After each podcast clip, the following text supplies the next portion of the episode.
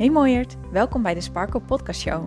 Ik geloof dat jij hier op aarde bent met een reden en het is tijd dat jij die sparkle, jouw missie, echt gaat leven. En het enige wat jij mag doen is los gaan laten alles wat in jou zegt dat dit niet zo is. Mijn naam is Hienke Nuninga en het is mijn missie om jou met deze podcast hierbij te gaan helpen. Want er is niks zo lekker als jezelf te bevrijden van al je belemmeringen en te gaan voor wat je echt wilt. So let's go! Dag mooie sparkles, welkom bij deze nieuwe episode van de Sparkle Podcast Show. En vandaag gaan we het hebben over waarom je hoofd altijd maar aan lijkt te staan. En deze podcast die is echt voor degene die merken dat hun hoofd non-stop aanstaat. Dat je alert bent en aanstaat nog voordat je je ogen eigenlijk open hebt gedaan. Of dat het heel lastig voor je is om te genieten van leuke momenten. Omdat op dat moment jouw hoofd nog met tien andere dingen bezig zijn. Dat je moeilijk tot rust kan komen. Merk dat misschien wel je schouders altijd gespannen zijn. Of dat er altijd wel iets is wat je alert houdt. En natuurlijk heeft iedereen wel eens een volle dag. Of sorry, een vol hoofd na een volle dag.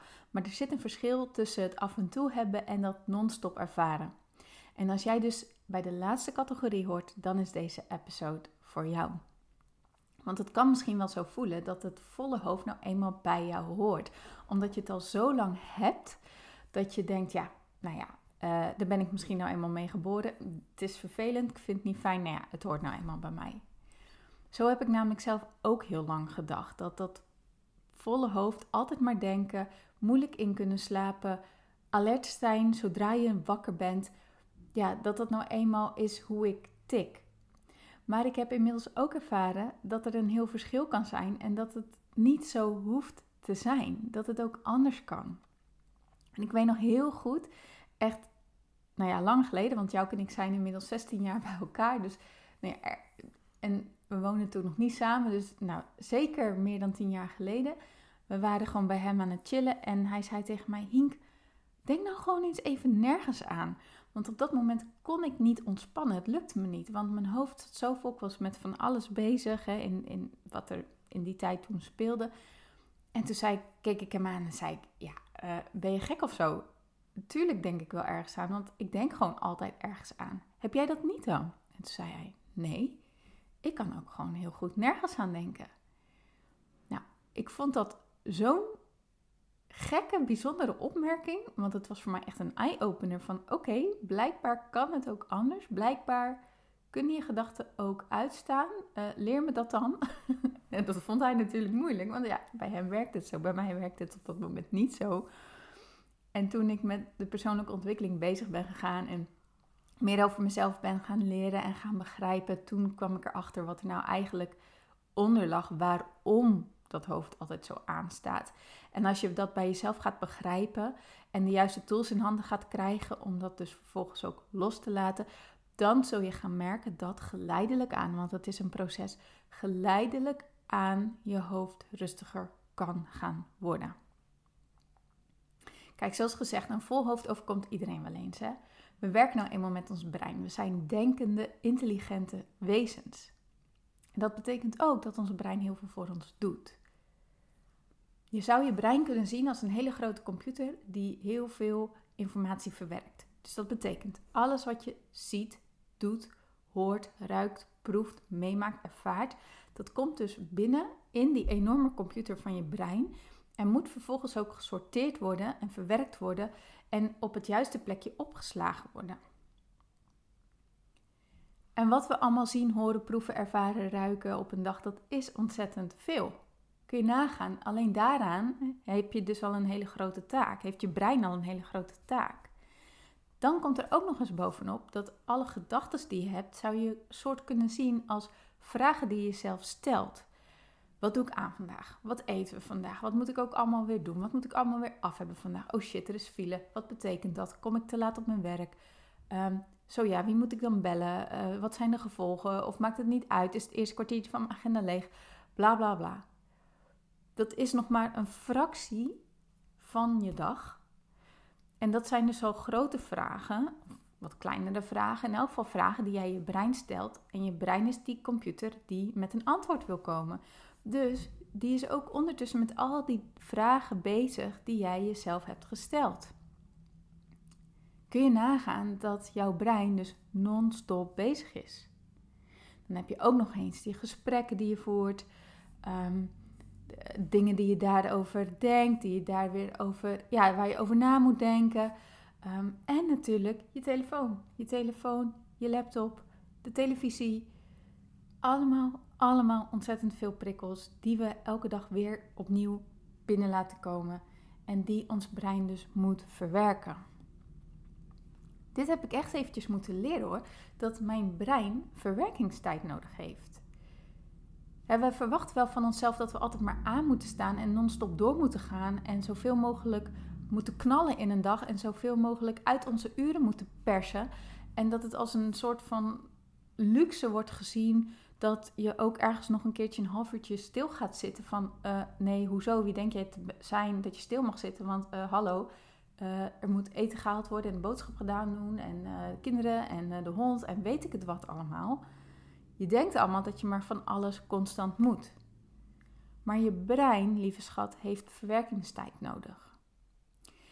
En als ik een drukke werkdag heb gehad en ik kom thuis, dan kan, is de neiging dat ik heel erg moe ben en eigenlijk op de bank wil ploffen en even gewoon wezenloos naar mijn telefoon wil staren of naar de televisie wil staren of een boek wil lezen.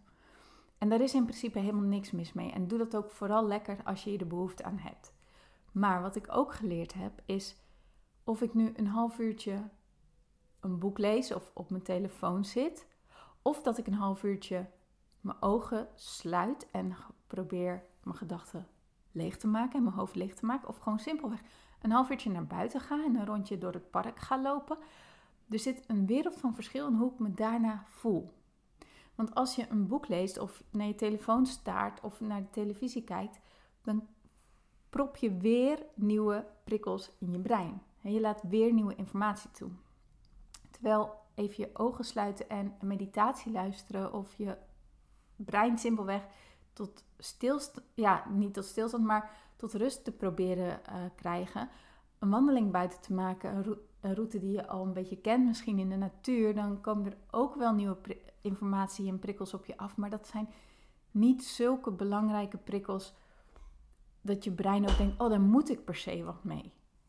Juist buiten zijn helpt je om tot rust te komen en je brein de ruimte te geven, een ademhalingsmoment te geven van oké, oké, dit is allemaal gebeurd en nu is het ook verwerkt en nu kan ik weer verder. Daarom is zo'n moment voor jezelf echt super belangrijk en geen overbodige luxe. En als je het als verwerkingstijd van je brein gaat zien, gaat dat misschien helpen dat je het jezelf ook ja, wat makkelijker kan gunnen. Want ik weet hoe moeilijk het kan zijn om dit ook echt daadwerkelijk toe te staan voor jezelf. En dus dat is een van de redenen waarom een hoofd vol kan zitten. Wat er ook nog speelt is het stukje momentum. Oké, dit is misschien wat moeilijker om voor je te accepteren, maar stel jezelf even open en ga mee. Alles in het leven is energie. Het trilt op een bepaalde frequentie. Dat is dit heb ik heel lang heel moeilijk gevonden om aan te horen. Maar ja, ergens toch ook weer niet. Want elke keer kwam dit telkens toch weer tot me. En dacht ik, ja, het is misschien ook wel waar. Alles heeft een bepaalde trillingsfrequentie. Wanneer je dingen onder een microscoop eh, legt die eigenlijk heel erg vast lijken, dan zul je zien dat er altijd beweging is.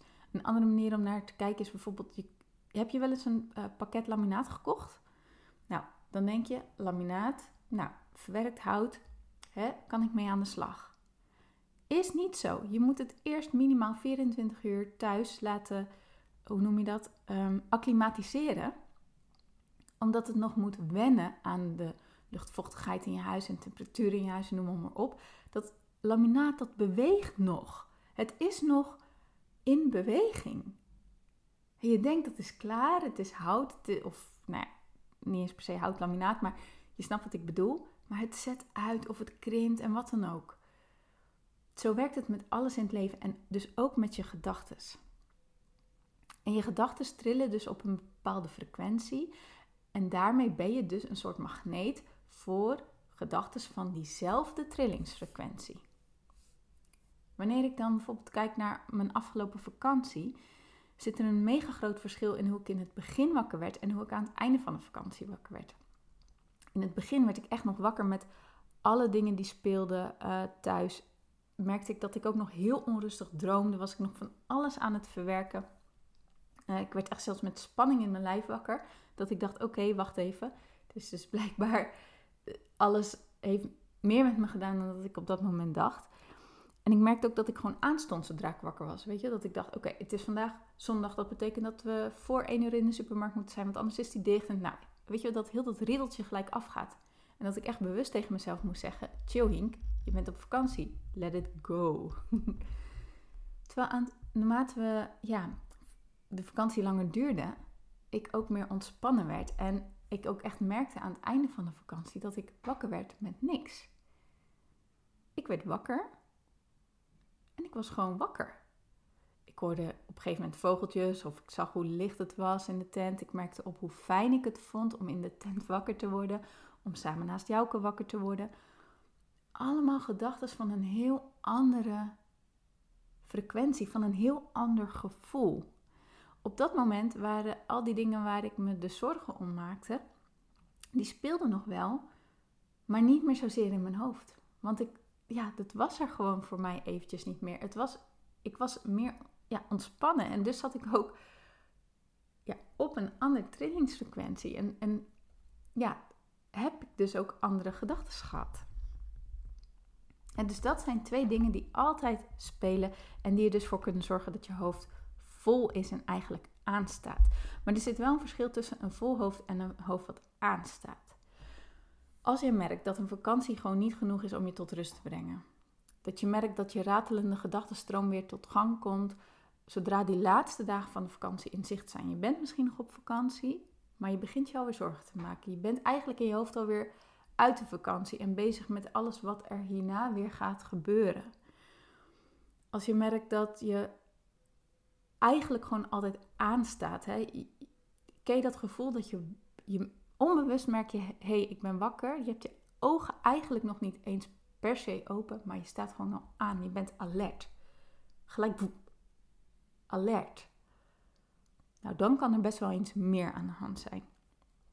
Dan is het ook goed om te weten dat je gedachten inzetten een copingmechanisme kunnen zijn om om te gaan met situaties die jij niet in de hand lijkt te hebben.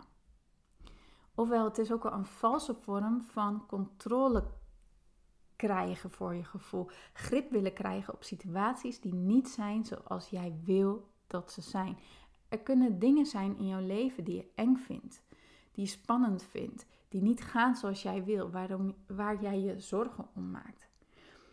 En de manier waarop we dat dus op willen lossen is door erover na te gaan denken. Aan de ene kant dus super logisch, hè, want we zijn dus denkende, intelligente wezens. En tot een zekere hoogte is het dus ook heel waardevol en kan het je ja, um, oplossingen brengen.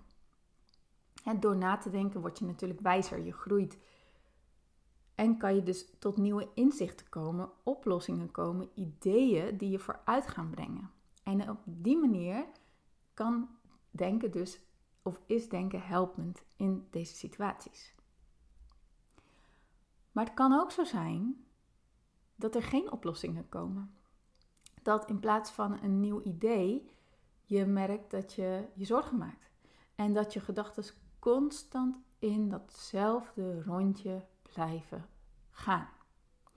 Of dat het niet zozeer is dat één onderwerp is waar je aan denkt, maar wel dat, er, dat het een je aan het ander herinnert en dat je dat weer aan het ander herinnert. En dat je voor je het weet dus in zo'n negatieve loop zit, spiraal zit van allerlei opstapelingen in je leven die ofwel zorgelijk zijn, ofwel niet zijn zoals je wil en waar je gewoon maar niet uit lijkt te komen, hoe hard je je best ook doet, het stopt niet.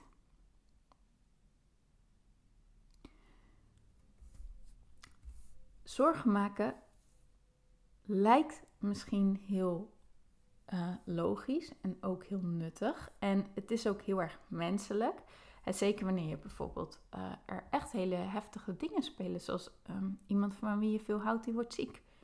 Ja, natuurlijk maak je dan zorgen. Dat is niet meer dan menselijk. Maar er is een punt, een kantelpunt, waarop je je af kunt gaan vragen: draagt dit wat bij aan mij en aan de ander? Dat ik nu op deze manier er zo naar kijk. Of zou er misschien een andere manier zijn waarop ik kan denken die helpender is, die mij, mij of de ander meer energie geeft of ruimte geeft, die weer kan leiden tot in elk geval vertrouwen dat het, wat het ook is, dat het ook oké gaat zijn.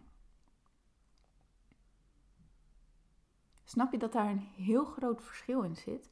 Maar dat kan moeilijk zijn, want wij leren als kind door te kijken en te zien en te observeren wat er allemaal in onze omgeving gebeurt. Thuis, op school, familie, uh, sportclub, noem maar, maar op. Je, je, alle mensen die een rol spelen in jouw leven, die observeer je, daar kijk je naar. En dat is de manier waarop je leert. Dus als je eens nagaat naar factoren die vroeger bij jou een grote rol hebben gespeeld in je leven, hè? thuis, school, noem maar op, waar jij veel was. En neem dan eens iemand voor je die ook een grote rol daarin heeft gespeeld. Ouders, broer, zus, een juf, een vriendinnetje, noem maar op. Gewoon wie het eerst bij jou omhoog komt. En anders pak je je ouders. Hoe gingen zij met zorgelijke, stressvolle situaties om? En hoe ga jij ermee om? Hoogstwaarschijnlijk hetzelfde. Hoogstwaarschijnlijk heb jij geleerd dat dit de manier is om ermee om te gaan. En dat is helemaal niet erg, dat is helemaal oké. Maar jij kan je afvragen: is dit nog de manier waarop ik er verder mee om wil blijven gaan? Want dat je iets op een bepaalde manier geleerd hebt of in je systeem hebt ontwikkeld, wil niet zeggen dat je er op die manier voor altijd mee door hoeft te gaan. Jij hebt hier zeggenschap over. Maar dat vraagt wel in eerste instantie bewustzijn van: hé, hey, wacht even hoe ga ik hier eigenlijk mee om? En, en, en is dit wat ik wil? En zijn er dus ook eventueel andere mogelijkheden? En dan is er nog iets, namelijk wat er bovenop kan komen, is de manier waarop jij met jezelf in deze situatie omgaat. Dus laten we even als voorbeeld nemen. Stel je voor, je denkt dat je ontslagen gaat worden. Nou, daar maak je je dan vervolgens zorgen om want hoe moeten de rekeningen dan betaald worden? Of de hypotheek? En hoe moet het dan? En nou ja, kom ik dan nog aan het werk? En bla bla bla. He, voor je het weet zit je echt helemaal in die malende gedachtenstroom van hoe moet het dan verder? En ja, je ziet geen oplossing eventjes. En je gaat dus echt in die doemscenario's denken. En let op, in doemscenario's. Dus je hoofd is al bezig met het eventuele gevaar, wat je denkt dat op de loer ligt. En daar ga je helemaal vanuit. Daar ben je op gefixeerd, want dat wil je kosten wat kost voorkomen. Maar in plaats van dat je het voorkomt, ben je erop gefixeerd, maar maak je er zorgen om en ben je er nu alvast over aan het lijden, om het zo maar te zeggen. Het, de dingen die, zijn, die je denkt dat die gaat gebeuren, maar ze zijn nog niet aan het gebeuren. Of het kan ook zo zijn dat je te horen hebt gekregen dat je ontslagen wordt. En, en dan denk je, ja, maar dat gebeurt nu. Ja, oké. Maar waar maak je dan vervolgens zorgen om? Zijn dat dingen die nu al op dit moment... Bijvoorbeeld, je maakt zorgen dat je geen, je rekening niet meer kan betalen en dat je uit huis geplaatst wordt. Ik zeg maar even wat, hè. Ben je op dit moment dakloos? Sta je op dit moment op de straat? Het kan best wel zijn dat je nu al moeite hebt om je rekeningen te betalen, maar ben jij op dit moment dan dakloos? Zo niet, dan is dat dus nog niet aan de hand. En is er nog tijd en ruimte dat het anders kan gaan worden. Maar daar komen we niet zolang we in die zorgen blijven denken, zolang we die doemscenario's als waarheid aannemen en daar maar van uit blijven gaan om je op de een of andere manier erop voor te bereiden. Terwijl je bereidt je dan op dingen voor waar je, die je eigenlijk helemaal niet wil dat gaat gebeuren. Dus dat werkt niet, snap je? Nou goed, dat gebeurt dus. Dat is al ingewikkeld genoeg. En daarbovenop vind je ook nog eens wat van jezelf in deze situatie. Vind je jezelf bijvoorbeeld een sukkel? Want wie wordt er nou ontslagen? Hallo? Vind je dat je veel beter je best moet doen? En zou je jezelf dus nog harder en strenger aan gaan pakken in deze situatie. Omdat je denkt, nou dat gaat misschien voorkomen dat het erger wordt. Of dat gaat misschien voorkomen dat het gaat gebeuren. Maar voorkomt het het wel? Wordt het beter? Pardon. Je rent er waarschijnlijk harder door. Je doet beter je best. je geeft jezelf voor de volle 100%, maar dat gaf je waarschijnlijk al. Dus nu geef je nog meer dan dat je eigenlijk hebt. En dat zijn natuurlijk in zichzelf mooie dingen. Hè? Je best doen en, en jezelf geven. Maar neemt het de angst weg van ontslag? Nee. En in plaats van dat je uh, ruimte creëert op de een of andere manier, mat je jezelf gewoon heel hard af. En ben je super kritisch en streng naar jezelf. En in plaats van dat je ja, open staat voor creatieve oplossingen, ben je alleen maar nog harder aan het lijden, om het zo maar te zeggen. Omdat naast alles wat er speelt, je ook nog eens zo streng bent naar jezelf en zo hard bent. En ja, dat is voor niemand fijn, toch? Maar ook dat, lieve schat, is een copingmechanisme.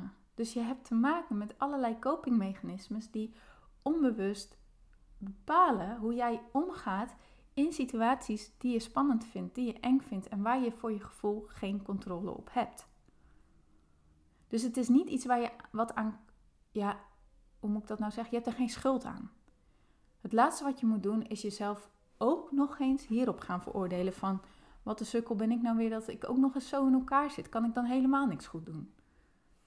Ik weet zeker dat sommigen van jullie zo denken. Ik heb zelf ook zo gedacht. En soms valt die gedachte nog wel eens binnen.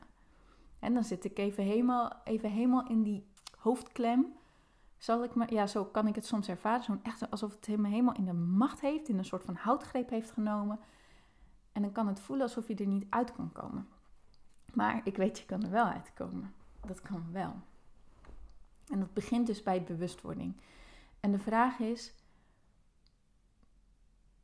wat voor situaties uh, spelen er die je spannend vindt? Die voor jouw gevoel door je vingers aan het glippen zijn? Die voor jouw gevoel doodeng zijn of die je simpelweg gewoon niet wil? Waar je boos om bent, waar je gefrustreerd om bent, waar je van baalt, waar je vanaf wilt? En hoe ga je daarmee om? En is dat helpend of niet? En wat heb jij nodig om dat strenge, harde, malende los te gaan laten? En wat kan jij doen om in plaats daarvan vertrouwen uit te gaan nodigen in deze situatie? Welke gedachten kan jij gaan denken die rust geven, die vertrouwen geven? En dan bedoel ik niet dat je nu ineens een gedachte moet hebben die je gelijk in dat vertrouwen brengen, want dat werkt niet. Je moet dat zo zien. Stel je voor, de gedachten die je nu hebt, die zitten op cijfer 1 en rust en vertrouwen is cijfer 10. Kan je niet van in één sprong van 1 naar 10 springen, maar je kan wel van 1 naar 1,5 bijvoorbeeld. En van 1,5 naar 2 en ga zo maar door. Stapje bij stapje, beetje bij beetje. Maar wat heb jij nodig om uiteindelijk rust en vertrouwen te gaan ervaren zonder dat de situatie al opgelost moet zijn? En dat is een moeilijke vraag, dat begrijp ik wel. Ik vraag ook niet van je dat je er 1, 2, 3 antwoord op hebt. Maar misschien is het een mooie om mee te gaan nemen en gewoon in je achterhoofd te houden. En ja, mee bezig te gaan zijn om jezelf open te gaan stellen om op andere manieren om te gaan met, ja, met dingen waar jij je zorgen om maakt. Dus die copingmechanismes, verwerkingstijd, momentum, allemaal factoren die ervoor zorgen dat je hoofd voor jouw gevoel altijd aan kan staan. Maar ook dingen die jij in kan gaan zetten om het in jouw voordeel te gaan laten werken. Nou, daarmee wil ik hem afronden. Ik hoop dat je er wat aan hebt gehad. Um, zo ja, zou ik het super leuk vinden als je dat met me deelt. Je kan me een berichtje sturen op Instagram, je kan me een mailtje sturen. Kijk wat voor jou prettig is. Ik vind het super leuk om van je te horen. Ik vind het super leuk dat je geluisterd hebt. Dankjewel dat je, uh, weer, uh, dat je me weer gevonden hebt. dat je op play hebt gedrukt. Ik wens je een hele mooie rest van je dag toe en ik spreek je graag de volgende keer weer. Doei doeg! Mooier, dankjewel weer voor het luisteren. Leuk dat jij erbij was. Nou, ik hoop natuurlijk dat deze aflevering echt iets voor jou heeft betekend. Dat het jou heeft geholpen, um, iets heeft opengekraakt, dat het iets in jou in beweging heeft gezet. Dat je echt hebt kunnen voelen, yes, ik ga ervoor. Of yes, het is ook zo, ik mag het loslaten en ik ben genoeg zoals ik ben. Ik hoop echt dat dit dat voor jou gedaan heeft. Ik hoop ook met deze podcast een ripple effect te gaan creëren voor iedereen die meer zelfliefde en innerlijke rust kan gebruiken. Wil je me daarbij helpen alsjeblieft? Dat kan je op de volgende manieren doen. Je kan me sowieso taggen in je Insta-stories. Maak een screenshot van deze podcast, van deze aflevering. Tag mij in je Insta-stories en vertel ook wat deze podcast met jou heeft gedaan. Wat ook heel erg fijn is, is wanneer je naar iTunes gaat en daar een positieve review voor mij achterlaat. Geef even 5 sterren, abonneer je op mijn podcast en vertel met anderen waarom je deze podcast aan anderen aanraadt. Zo kunnen steeds meer mensen deze podcast vinden en kan deze ripple van zelfliefde en innerlijke rust echt ja, gecreëerd worden. Dus dankjewel voor je hulp, dankjewel weer voor het luisteren en ik spreek je heel graag de volgende keer weer. Tot dan!